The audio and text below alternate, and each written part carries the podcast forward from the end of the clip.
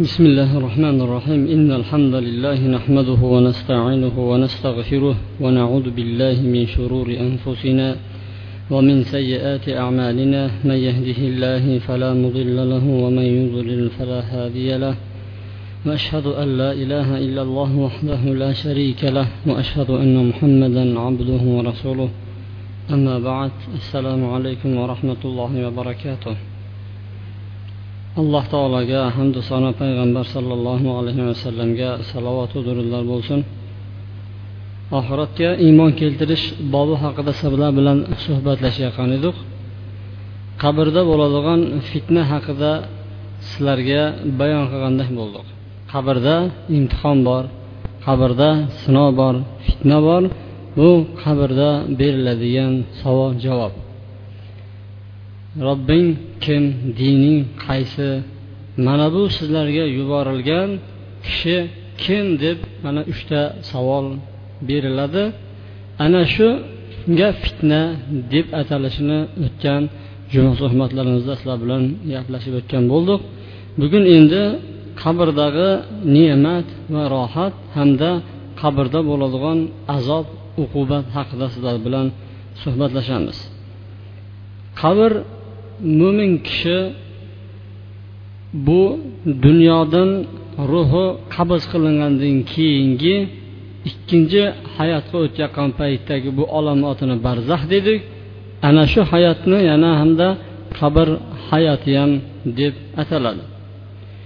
Lekin bu qabr hayoti biz uni tasavvur va bizni tasavvurimizga sig'adigan darajada emas balki faqatgina iymon keltirish bilan biz cheklanamiz. Hamma odam qabrni rohatini yo azobini tortib ko'radi.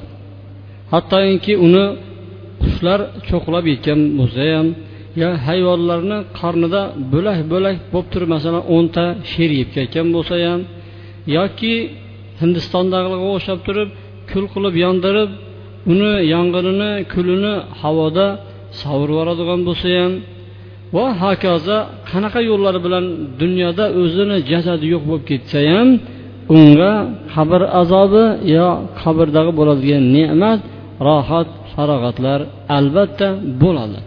Biz bunga iymon keltiramiz. Ahli sunna val jamoat e'tiqodi ana shunday. Ruh jasadga kirgizilishligi haq.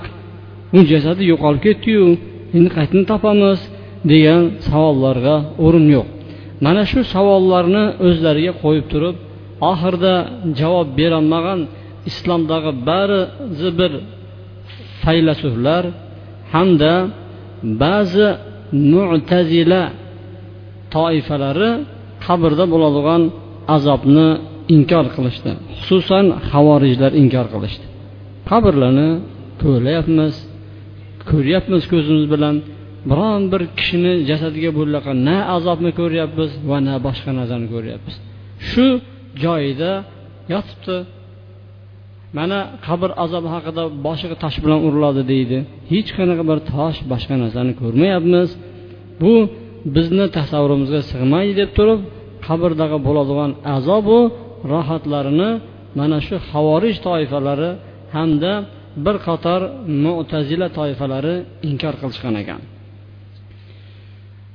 Buni haq azob bo'lishligi haqida oyatlar kelgan. Alloh taolo qur'oni karimda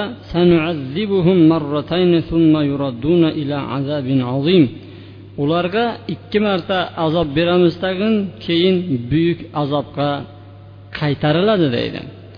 Mana shu oyatda hasan al basriy aytadiki dunyodagi azob bilan qabr azobga duch kelishadi deydi. Dunyodagi azob har xil musibatlar yoki mo'minlarni qo'li bilan ularni qatl qilish ularni o'ldirish qasdli suratda bo'lsa ammo dunyodagi azobni bilasizlar har xil musibatlarga duch kelishlik bilan bo'ladi. Demak qabrda ham azob bor ularga munofiqlarga hamda dunyoni o'zida ham ular uchun azob bor.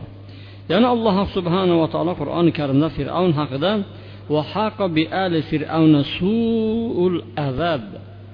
fir'avnni oilasiga bir yomon azob bo'ladigan bo'ldi. Ya'ni haq bo'ladigan bo'ldi. Do'zax o'ti ular uchun do'zax o'ti ular uchun ertalab ham kechqurun ham ko'ndalang qilinaveriladi qiyomat soati qoim bo'lganda esa adxilu ala fir'avna ashaddal azab. Fir'avnni oilasini endi katta qattiq azobga kirgizinglar deyilinadi demak qiyomat bo'lganda deyapti. Demak qiyomatgacha ertalab kechgacha e, kechqurun ularni qabriga o't to'ldirib yuboriladi qiyomat soati bo'lgandan keyin endi fir'avnni oilasini katta azobga kirgizinglar deyiladi. Ungacha bo'layotgan azob qayerda bo'ladi albatta qabrda bo'ladi hozirgi paytda ham qabr azobini inkor qiladigan toifalar yo'q emas. Hizbi tahrir jamoatiga mansub bo'lgan kishilar ham qabr azobini inkor qilishadi. Hadislarga to'xtaydigan bo'lsak payg'ambar sollallohu alayhi vasallamni ayollari oysha roziyallohu anhudan rivoyat qilinadi. Imom muslimda bu hadis. Meni oldimga ikkita yahudiy ayol kampir bo'lgan ayol kirdi deydi. Ikkalasi ham aytdiki qabr ahllari o'zini qabrlarida azoblanadilar deb aytishdi ikkita yahudiy kampir oysha onamizga. Oysha onamiz aytdiki man ularni gaplarini yolg'onga chiqardim ko'nglim shularni aytayotgan gapga chopmadi valam an'im an usaddiquhuma ikkalasini tasdiq qilgim kelmadi dedi. Ikkalasi ham chiqib ketdi keyin payg'ambar alayhissalom kirgandan keyin yo rasululloh inna ajuzayni min ajuzil yahudil madina dakhalata alayya. Madinadagi ikkita yahudiy kampir meni oldimga kirib turib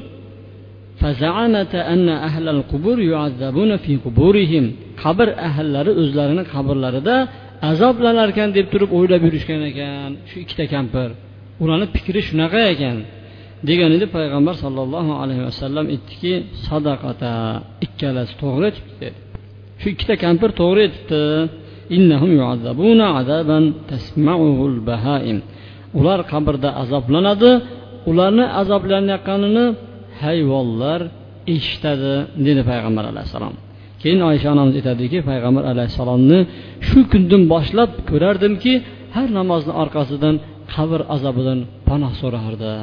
Deb mana bizlarga rivoyat qilinyapti. Payg'ambar sollallohu alayhi vasallam qabrda azoblanayotgan kishilarni xabarini bilardi. Hattoki payg'ambar alayhissalom eshitgan edi. Imom muslim sahihlarida zayd ibn sabit roziyallohu anhudan rivoyat qilinadi bir kuni bani najjor bog'laridan ketayotgan edik. Payg'ambar alayhissalom hachirlarini ustida edi biz u bilan birga edik deydi. To'satdan hachirlari urkib ketdi. Ana shu yerda bir oltitami beshtami to'rtta bir qabr bor edi deydi payg'ambar sallallohu alayhi vasallam. Keyin payg'ambar alayhissalom aytdiki mana bu qabr egalarini kim taniydi? degan edi. Bir kishi aytdiki men taniyman dedi. Payg'ambar alayhissalom aytdiki qachon ular o'ldi deganida ular ishrokda ya'ni allohga shirk keltirib o'tib ketishdi dedi. Payg'ambar alayhissalom mana bu ummatlar qabrida bir baloga yo'liqadilar. Agar sizlar mayitlaringizni ko'mmaganlaringizda edi shunda qolib ketganda edi man allohga duo qilgan bo'lardim. Sizlar mana shu bo'layotgan azobni eshitgan bo'lardingizlar deb payg'ambar sollallohu alayhi vasallam aytdi. Bir kuni payg'ambar alayhissalom quyosh botgandan keyin tashqariga chiqdi.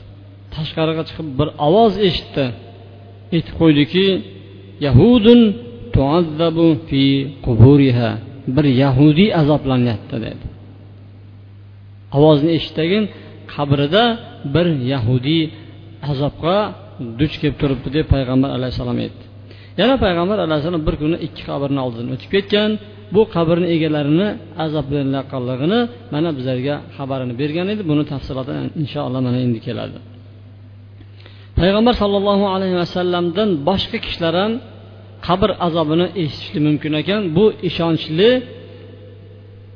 olimlarni bizlarga aytib bergan rivoyatlarni bir tasdiq qilamiz. Qabrdagi bo'ladigan azob haq. Buni ko'p eshitgansizlar. Biz ana shu hikoyalarni keltirishlik niyatimiz yo'q. Faqatgina bu qabrda bo'ladigan azobni haqidagi olimlarni bevosita o'zlari o'zlarini ko'zlari bilan guvoh bo'lgan so'zlarini ko'pchiligingizlar mana eshitgansizlar. Qabrdagi bo'ladigan rohat hamda azobni sifatlari. Buni bir qator yuqorida sizlar bilan o'tgan juma suhbatlarimizda aytib ketdik. Mo'min bandani qabrga olib kelgandan keyin robbim olloh dinim islom bu kishi ollohni bandasi rasuli bizlarga yuborgan degan to'g'ri javobni farishtalarga bergandan keyin osmondan nido qilguvchi nido qiladiki bandam to'g'ri aytyapti unga jannatdan to'shak to'shab qo'yinglar deb ataladi. Keyin unga jannatni to'shak to'shaladi hamda jannat liboslari kiyiladi. Unga jannatdan bitta eshik ochiladi jannatni hidlariyu xushbo'ylari unga kelib turadi. Qabri shunaqa darajada kengayib ketadiki hattoki u kishini ko'zi ko'radigan joygacha qabri kengayib boradi. Ana shu holatda uni oldiga bir go'zal yuzli bir kishi kirib keladi. Aytadiki haligi kishi boyan qarab turib uni husni ham chiroyli kiyimlari ham chiroyli bo'ladi. Boyagi kishiga qarab turib sanga va'da qilingan kun mana shu edi deydi. Allohni roziligi bilan xursand bo'l deydi. Endi doim ne'matlari uzra bo'lgan mana jannatlarga xushxabar bo'lsin sizga suyunchi bo'lsin mana shunday jannatlar deb boyagi kishiga xabar beriladi. U kishiga qarab turib yuzingiz deydi istarangiz bir yaxshigina bir xabarlarni olib keladigan kishini yuziga o'xshaydiya deb boyag'inga aytadi ana amaluk as-solih man seni dunyoda qilgan yaxshi amallaringdan bo'laman. Deb aytadi boyagi yigit. Man bilardimki deydi. San dunyoda ollohni toatiga judayam tezlab ketarding. Qayerda savob bor? Qayerda bir ibodat bo'layotgan bo'lsa tezlab ketganing tezlab ketganingni bilardim allohga bo'ladigan ma'siyatda esa judayam sekin eding. Ya'ni bu gunohga qo'ling bormas edi. Hayron. Alloh taolo endi senga yaxshi mukofotlarni bergan bo'lsin deb jannatdan unga bir eshigi ochiladi. Va jannatdagi joyi ko'rsatiladi hamda do'zaxdagi joyi ham ko'rsatiladi.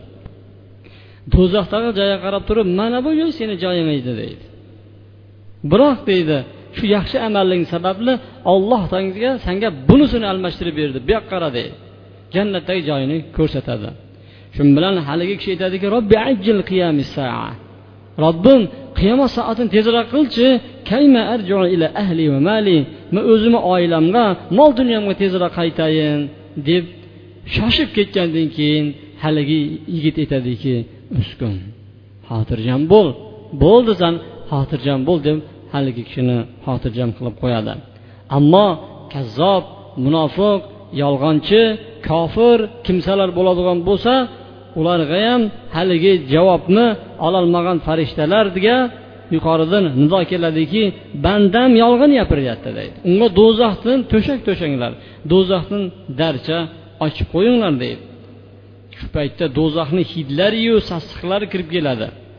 Qabri tor bo'lib ketadi. Hattoki qabrg'asini biri ikkinchisiga kirib aralashib ketadi. Mana shunday holatda uni oldiga turqi bir xunuk bo'lgan bir kishi ifloslari liboslari iflos bo'lgan bir yigit kirib keladi uni oldiga. Sanga deydi mana shu kuning va'da qilingan edi ana shu yomon kuning bilan xursand bo'lib o'tiraversan deydi. O'zingga yomonlik bo'lsin xushxabar deysan o'zi kimsandursan desa yuzing turqing deydi bir yomon xabarlarni olib keladigan kishiga o'xshayapti desa man seni habis iflos amalingman bo'laman deydi.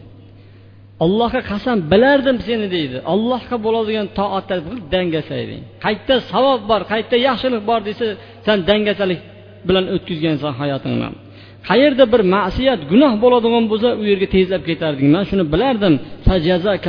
Sharron alloh taolo endi seni yomonlik bilan jazolasin deydi. Keyin unga alloh taolo bitta ko'r kar saqov bir farishtani yuborib turib qo'liga temir to'qmoq beradi. Payg'ambar alayhissalom aytdiki agar shu bilan tog'ga uriladigan bo'lsa kana turoban. Tuproqqa bo'lib ketarkan tog'larni hammasi. Haligi temir to'qmoq bilan haligi kishini uradi tag'in urgan paytda tuproqqa aylanib ketaveradi. Shunday bir qichqiradiki uni qichqirig'ini dedi payg'ambar alayhissalom saqolayindan boshqa hamma narsa eshitadi shunga yaqin turgan dedi. Saqolayin odam bilan jinni saqolayin deydi shundan boshqa hamma narsa eshitadi bu bo'layotgan azobni dedi payg'ambar alayhissalom. Keyin haligi kishiga do'zaxdan darcha ochiladi teshik ochiladi do'zaxni sassiq hidlariyu zaharlari kelib turadi. Haligi odam aytadiki robbi la taqum robbim qiyomatni qilmachi deb yolinib yolvorib qoladi. Keyin boyagi kishiga ko'rsatiladiki jannatdagi joyini ko'rsatiladi. Mana bu seni joying edi jannatdagi. Agar yaxshi amallar qilganingda biroq san yaxshi amal qilmading seni joying endi alloh taolo mana bunga almashtirib qo'y deb turib do'zaxdagi joyini ko'rsatadi. Savol tug'iladiki musulmonlar ham o'zlarini qabrida azoblanadimi? Yo bu faqatgina bir kofirlarga tegishlimi deydigan bo'lsa ha musulmonlar ham mo'minlar ham o'zi qabrlarida azobga duchor bo'ladi. Bu haqida judayam ko'p dalillar kelgan. Qabrdagi bo'ladigan azoblarga mana qaysi ishlar sabab bo'lishini sizlar bilan to'xtalib o'tamiz. Birinchisi chaqimchilik hamda bavlidan saqlanmagan kishilar qabrda azoblanar ekan ana shu musulmon bo'lsa ham chaqimchilik qiladigan bo'lsa yo bavlidan siydigidan saqlanmaydigan bo'lsa bular uchun azob bor. Payg'ambar alayhissalom bir kuni o'tib ketayotib ikki qabrni oldidan o'tib qoldi. Aytdiki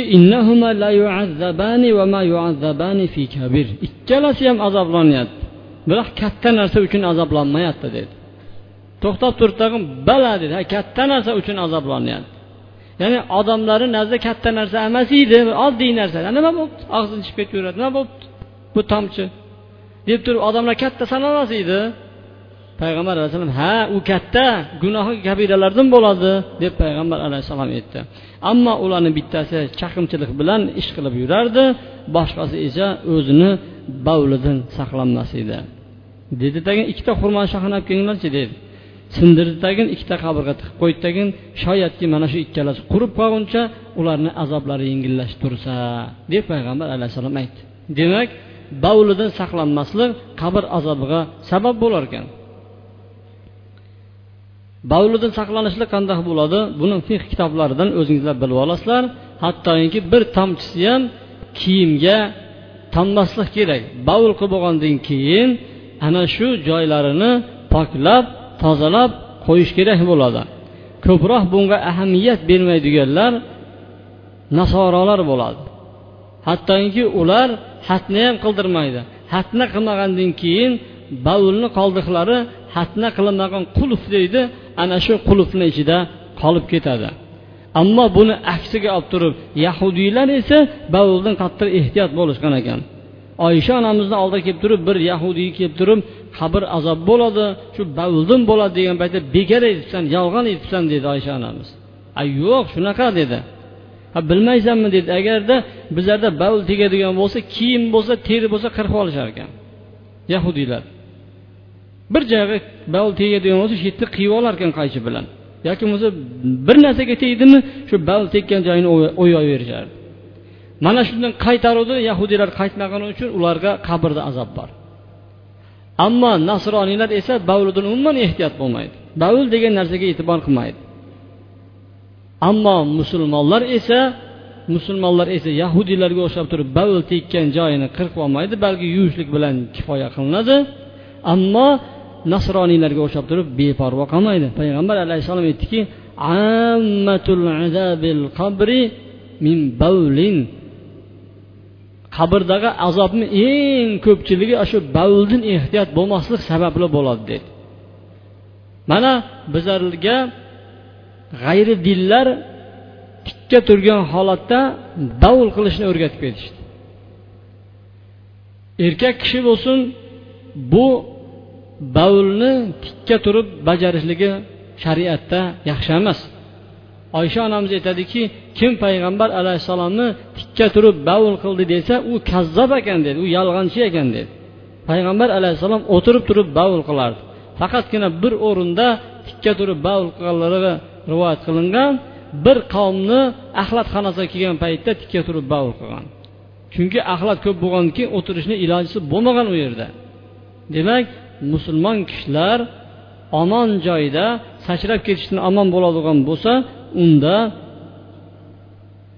o'tirib bavul qilish kerak. Tikka turib bavul qilishlik g'ayri dinlarning odatlari hisoblanadi.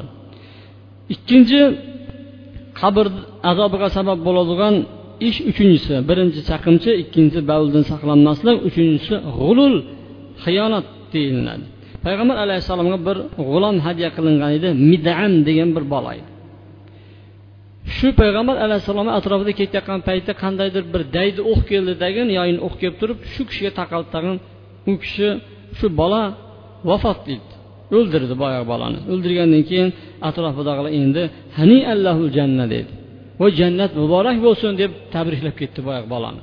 chunki payg'ambar alayhissalomga hadya qilingan bola edi payg'ambar alayhissalom atrofidagi bola edi va jannat xursand bo'l jannat bilan tabriklaymiz degan gaplar bo'lgandan keyin payg'ambar alayhissalom yo'q dedi unaqa emas dedi والذي نفسي بيده إن الشملة التي أخذها يوم خيبر من المغانم لم تصيبها المقاسم u dedi haybar kunida g'animatlar taqsimlangan paytda unga taqsimlanmagan bir shamla deb turib kurtkani aytadi. Shu kichkina bir kurtkachasini kurtkani o'g'irlab qo'ygan edi dedi. Ya'ni xiyonat qilib olib qo'ygan edi. Jangda o'ldirib tushadigan bo'lsa bir joyga olib kelish kerak hammasi. Ana shu yerdan keyin taqsimlanadi.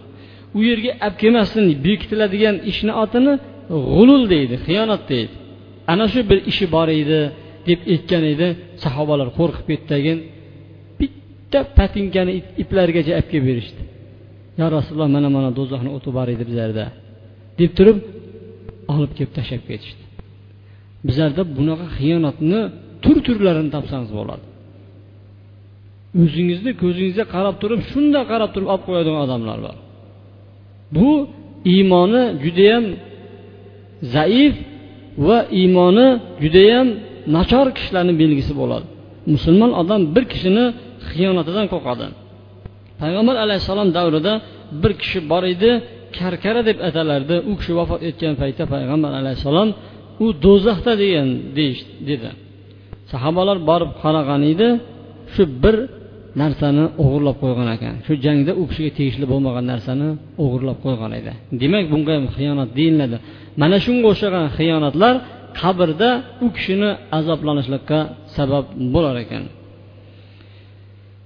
Va to'rt besh olti yettinchi azob bo'ladigan sabablar yolg'on gapirishlik qur'onni tark qilishlik zino hamda ribo amallari. Payg'ambar alayhissalomga mana shunday bo'layotgan azoblari ko'rsatildi. Samura ibn jundub roziyallohu anhudan rivoyat qilinadi payg'ambar alayhissalom tush ko'radigan bo'lsa bugun kim tush ko'rdi? derdi. Man desa shuni tushini aytib berardi. Hech kim indamasa o'zlari ko'rgan tushini aytib berardi. Bir kuni kim tush ko'rdi degan edi hech kim indamadi. Payg'ambar alayhissalom man bugungi kechada tush ko'rdim. Ikki kishi oldimga keldi.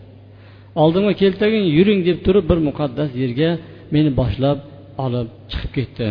Keyin bir kishini oldiga bordi. Bir kishi o'tirardi yana bir kishi tepasida turardi tag'in changaklar bilan shundoq urib turib bir yoq og'ziga yirtib u tepasigacha olib borib qo'yardi. Shu bilan buyog'iga o'tardi tag'in changakni bu tomonga og'ziga urib turib tepasigacha yirtib olib chiqib qo'yardi. Ikkinchi tomoniga o'tayotgan paytda birinchi tomoni bitib qolaverardi. Bu kimdir desam yuring yuring deb boshlab olib ketib qolishdi deydi bir kishini oldiga keldik chalqanchasiga yotardi. Ikkinchi odam uni tepasida katta bir tosh ko'tarib turibdi. Shu tosh bilan bir urib majahlayapti kallasini kalla bu yoqqa uchib ketyapti tosh bu yoqqa uchib ketyapti deydi. Toshni olib chiqyapti kalla joyiga kelib qolyapti deydi yana uryapti yana shu holat davom etyapti. Bu kimdir buni aytib beringlar desam yuring yuring deb boshlab ketishdi deydi. Keyin qon daryosiga keldik deydi. Qon daryosiga keldik. Daryoda bir kishi suzib yurardi. Daryoni qirg'og'ida esa bir kishi toshlarni yig'ib olgan oldiga shu suzib qirg'oqqa chiqaman deyaptiyu bu tosh bilan urib og'ziga kirgizib yuboryapti. Qonda ichidagi daryoda suzib yuribdi. Chiqaman desa chiqolmayapti urib kirgizib yuboryapti. Bu holat kimdir aytib beringlar bu nima desam yuring yuring deb boshlab chiqib ketdi deydi. Xullas kalom bizlarga bo'ladigan kerak joyi mana shu. Hadis uzun davom etadi. Oxirida aytdiki barakallohu fikuma alloh sizlarga barakatli bersin. Bu ikkalasi keyin man ko'rgan ishlarni xabarini beringlar. Manga bugun meni kechada aylantirdingizlar degan edi. Ammo birinchisi dedi shunaqa bir yolg'on gapirardiki og'ziga changangni urib tepasigacha yirtib chiqayotgan odam deydi. Shunaqa yolg'on gapirardiki buni yolg'onlar osmonlarni to'ldirib yuborardi dedi shunaqa bir kazzob odam edi deydi. Ikkinchisi boshiga tosh bilan urayotgan kishi dedi alloh taolo qur'onni bildirgan edi. Biroq qur'onni o'qimasin tunim bilan uxlab kunduzi qur'onga amal qilmaydigan bir inson edi dedi. Ammo ammo uchinchisi esa qon daryosida yurgan kishi esa u odamlarni haqqini yeydigan sudxo'r ya'ni ribo bilan shug'ullanadigan kishi edi dedi. Hamda to'rtinchisi qolib ketibdi. Tepasi tor tegi keng bo'lgan xuddi bir tandirga o'xshaydigan joyga turdik deydi ichiga qarasam deydi tir yalang'och ayollar qip yalang'och erkaklar to'lib turibdi. Tagidan o't beryapti ular qiyqirib tepaga chiqib hattoki tepasini chiqib ketayotgan paytda o't pastga tushyapti ular ham pastga tushyapti deydi. Bular kimlar desam bular zinokar ayol va zinokar erkaklar deb javob berdi. Ular hattoki mana shunday bo'ladi qiyomat soatigacha deb haligi farishta aytadiki man jabroilman mana bu mikoyil deb mana shunday tush ko'rdim deb payg'ambar alayhissalom aytdi. Demak bu qiyomatgacha bo'ladigan azobga sabab bo'ladigan amallar birinchisi yolg'on ikkinchisi qur'onni tashlab qo'yishlik amal qilmaslik uchinchisi zino to'rtinchisi mana ribo qabrda azob bo'lishlikka sabab bo'lar ekan. Hamda qarzi bor bo'lib turib qarzini o'tamasligi ham qabrida uni to'xtatib turishligiga sabab bo'lar ekan. Sad ibn atvol roziyallohu anhu aytadiki u kishini akasi vafot etdi akasini uch yuz dirhamni qilgan edi va uni ayollari ham qilgan ekan shu ayollarga infoq ehson qilmoqchi edim yordam bermoqchi edim. Payg'ambar alayhissalom akangiz shu qarzi sababli ushlanib turibdi qabrda. Boring o'tab keling deydi. Borib o'tab keldim deydi. Faqatgina bir ayolni ikki dinori qolgan ekan deydi.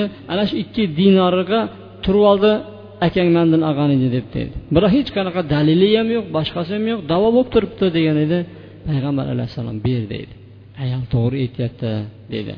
Keyin u kishi haqqini ado qilib qo'ygan ekan. Hattoki u qarzi bor odam hattoki jannatni eshigiga kirishdan ham asir bo'lib turar ekan kirolmay turar ekan. Hadis samrot ibn jundum roziyallohu anhudan rivoyat qilinadi. Payg'ambar alayhissalom bir janozani o'qidi. Janozani o'qib bo'lgandan keyin aytdiki palon palonni oilasidan kim bor dedi hech kim indamadi. Uch marta takrorladi hech kim indamadi. Shu bilan bir kishi turdiki yo rasululloh man borman dedi. U safni oxiridan keldi. Nima uchun san javob bermading shuncha uch marta aytganimda? dedi. Keyin aytdiki palonchi dedi. O'zlarini oilasidagi bir kishini aytdiki shu qarzi sababli jannatdan to'silib turibdi jannatga kirolmayapti. Xohlanglar shuni bir fido qilinglarda jannatga kirgizib yuboringlar. Xohlanglar allohni azobiga shuni topshirib qo'yinglar deb payg'ambar sollallohu alayhi vasallam aytdi. Keyin uni qarindoshlari hammasi taraf tarafga bo'linib ketishdi. Boyagi kishini qarzini ado qilishga hattoki biron bir kishi qolmagan ekanki hamma qarzini to'lab berib chiqishgan ekan. Va oxirgisi sizlar bilan o'rganadigan oxirgisi qabrda bo'ladigan azob o'lgan kishiga dod voy solib yig'lashlik qabrda azob bo'lishligiga sabab bo'lar ekan. Umar roziyallohu anhu vafot etayotgan paytda yig'lagan ekan. Shunda umar ibn hattob aytdiki qo'y yig'lama dedi.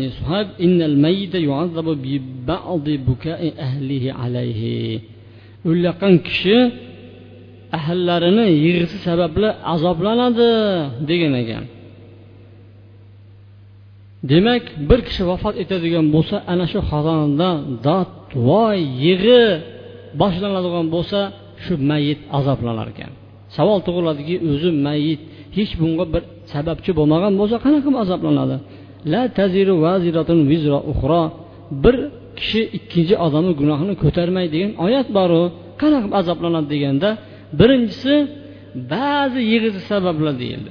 Ikkinchisi kofirlar azoblanar ekan uchinchisi shu nasihat qilib ketmagan bo'lsa voy mandan keyin yig'lab o'tirmalaring unaqa dodvoy samalan yig'lash yaxshi ko'z yosh to'kish yaxshi piqillab yig'lash yaxshi bu rahmat belgisi bu yumshoqlik bu mehr belgisi bo'ladi. Yig'lamaslik toshbag'irlik alomati hisoblanadi. Ammo ovozini ko'tarib yig'lashlik mumkin emas. Bun bilan azoblanadi. Hattoki abdulloh ibn ravoha vafot etayotgan paytlarida qattiq uni atrofidagilar yig'laydi. Bu yig'lagandan keyin u o'ziga keladiki shunda vo jabalo yo suyangan tog'im yo voy sayyidim deb yig'lashgan paytdan keyin ikkita farishta kelib turib san shunaqamisan? Hali san tog' bo'lib qoldingmi? Hali suyanadigan ulan deb turib mana shunda ularga azob berar ekan demak bu bir odam mayyit vafot etayotgan paytda vasiyat qilib ketish kerak. Vasiyat qilish kerakki mandan keyin dod voy solib yig'lamanglar. Yig'lasangizlar yaxshi ko'rmayman man sizlarni. Deb o'tgan bo'lsa buyoqdagilar yig'lab to'polon qilib olamni ko'tarib yuboradigan bo'lsa ham unga azob bo'lmaydi.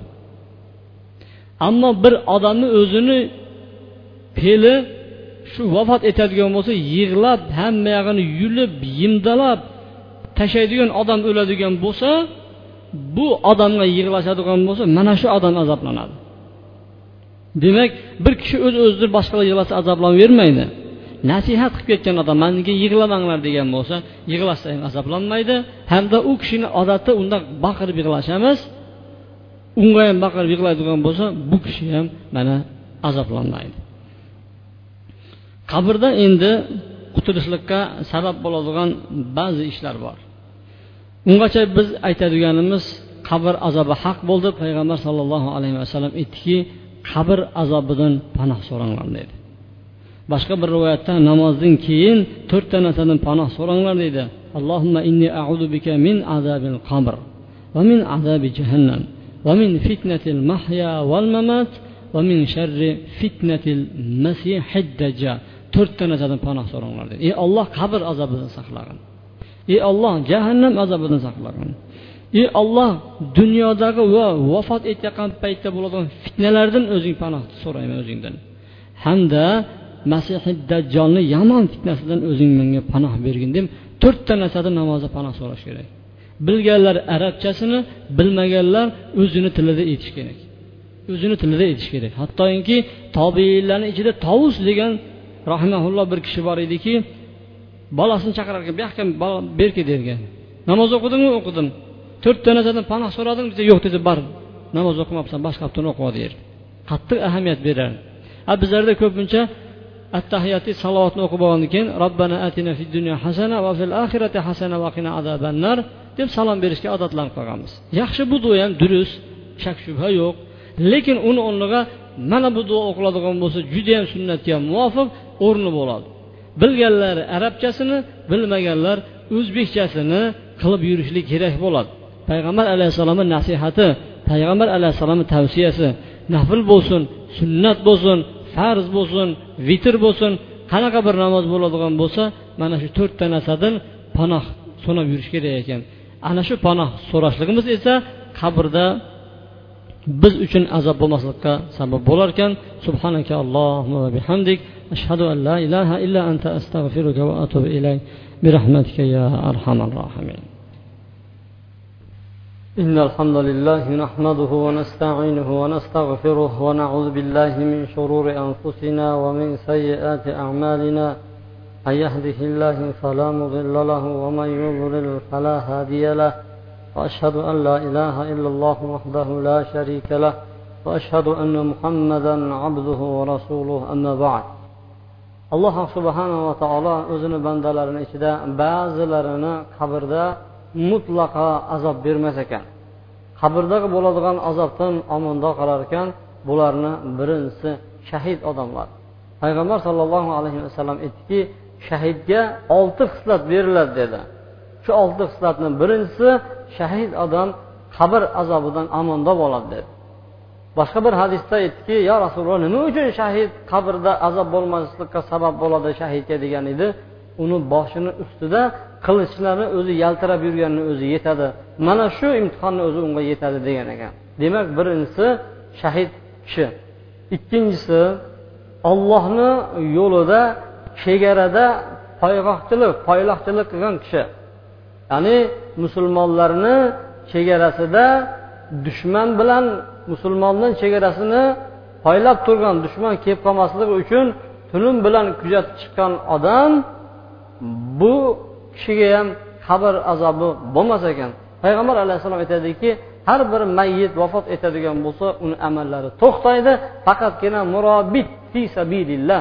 Ollohni yo'lida musulmonlarni chegarasini kuzatib turguvchi kishini amali unaqa emas dedi.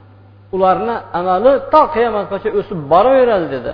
Hattoki ular qabr azobidan omonda bo'ladi deb payg'ambar sollallohu alayhi vasallam mana bizlarga xabar berdi. Uchinchisi juma kuni qaytish qilgan kishilar. Juma kuni vafot etganlar. Payg'ambar alayhissalom aytdiki qaysi bir musulmon juma kuni vafot topadigan bo'lsa u kishi qabr azobidan omonda bo'ladi dedi qaysi bir kishidan maqsad hamma kishi emas faqatgina musulmon kishi vafot etsa. Bu kuni mast qiluvchi ichimliklarni ichadigan odamlar ham qaytish bo'ladi. Bu kuni kazzob muttaham odamlar ham vafot etadi. Faqatgina hadisda aytilayotgani man min muslimin qaysi bir musulmon odam qaytish bo'lgan bo'lsa deb aytilyapti. Qaysi bir musulmon odam juma kuni vafot etadigan bo'lsa agar shu juma namoziga uni janozasini olib chiqish shart emas shu juma kuni vafot etadigan bo'lsa qabr azobidan omonda bo'lar ekan. Uchinchisi bir kishini qorni o'ldirgan bo'lsa ya'ni ichi og'rigan bo'lsa tag'in shu ichi og'rib turib vafot etgan bo'lsa. Masalan qornidagi ko'richagi yorilib ketdimi yoki oshqozondagi yarasi yorilib ketdimi? Xullas kalom bir kishini qorni o'ldirgan bo'lsa bu kishi ham qabr azobidan omon bo'lishlikka sabab bo'lar ekan. Ikkita sahobiy bir joyda o'tirgan edi. Shunda aytdiki bir kishini bugun janozasi bor dedi. Nima qilib vafot etdi degan edi? Shu qorni o'ldirib qo'yibdi degan edi. Ikkalasi ham bir biriga qarab turib aytdiki shu qatnashsa yaxshi bo'lar deb turib ishtaha qilishdi shu qatnashligini. Aytdiki payg'ambar alayhissalom aytmaganmidi? Qaysi bir kishini qorni vafot ettirgan bo'lsa qorni o'ldirgan bo'lsa qabr azobidan omonda bo'ladi deb aytmaganmidi? Deb turib ikkalasi ham shu janozaga ishtirok etishlikka ishtiyoqmand bo'lgan ekan. Demak to'rtta amal qabrdagi azob bo'lmaslikka sabab bo'lar ekan. Va bundan boshqa amallar ham ko'p. Yaxshi amallarni qilib yurishlik ham qabrda azob bo'lmaslikka sabab bo'lar ekan alloh subhanava taolo hammamizni ham qabr azobidan saqlagan bo'lsin. بارك الله لكم في القرآن العظيم ونفعني بما فيه من الآيات والذكر الحكيم وتاب علي وعليكم إنه هو التواب الرحيم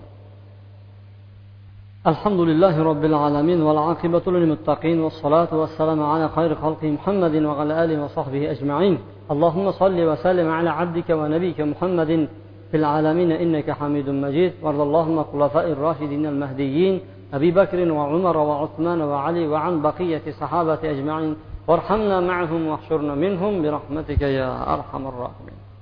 الصلاة.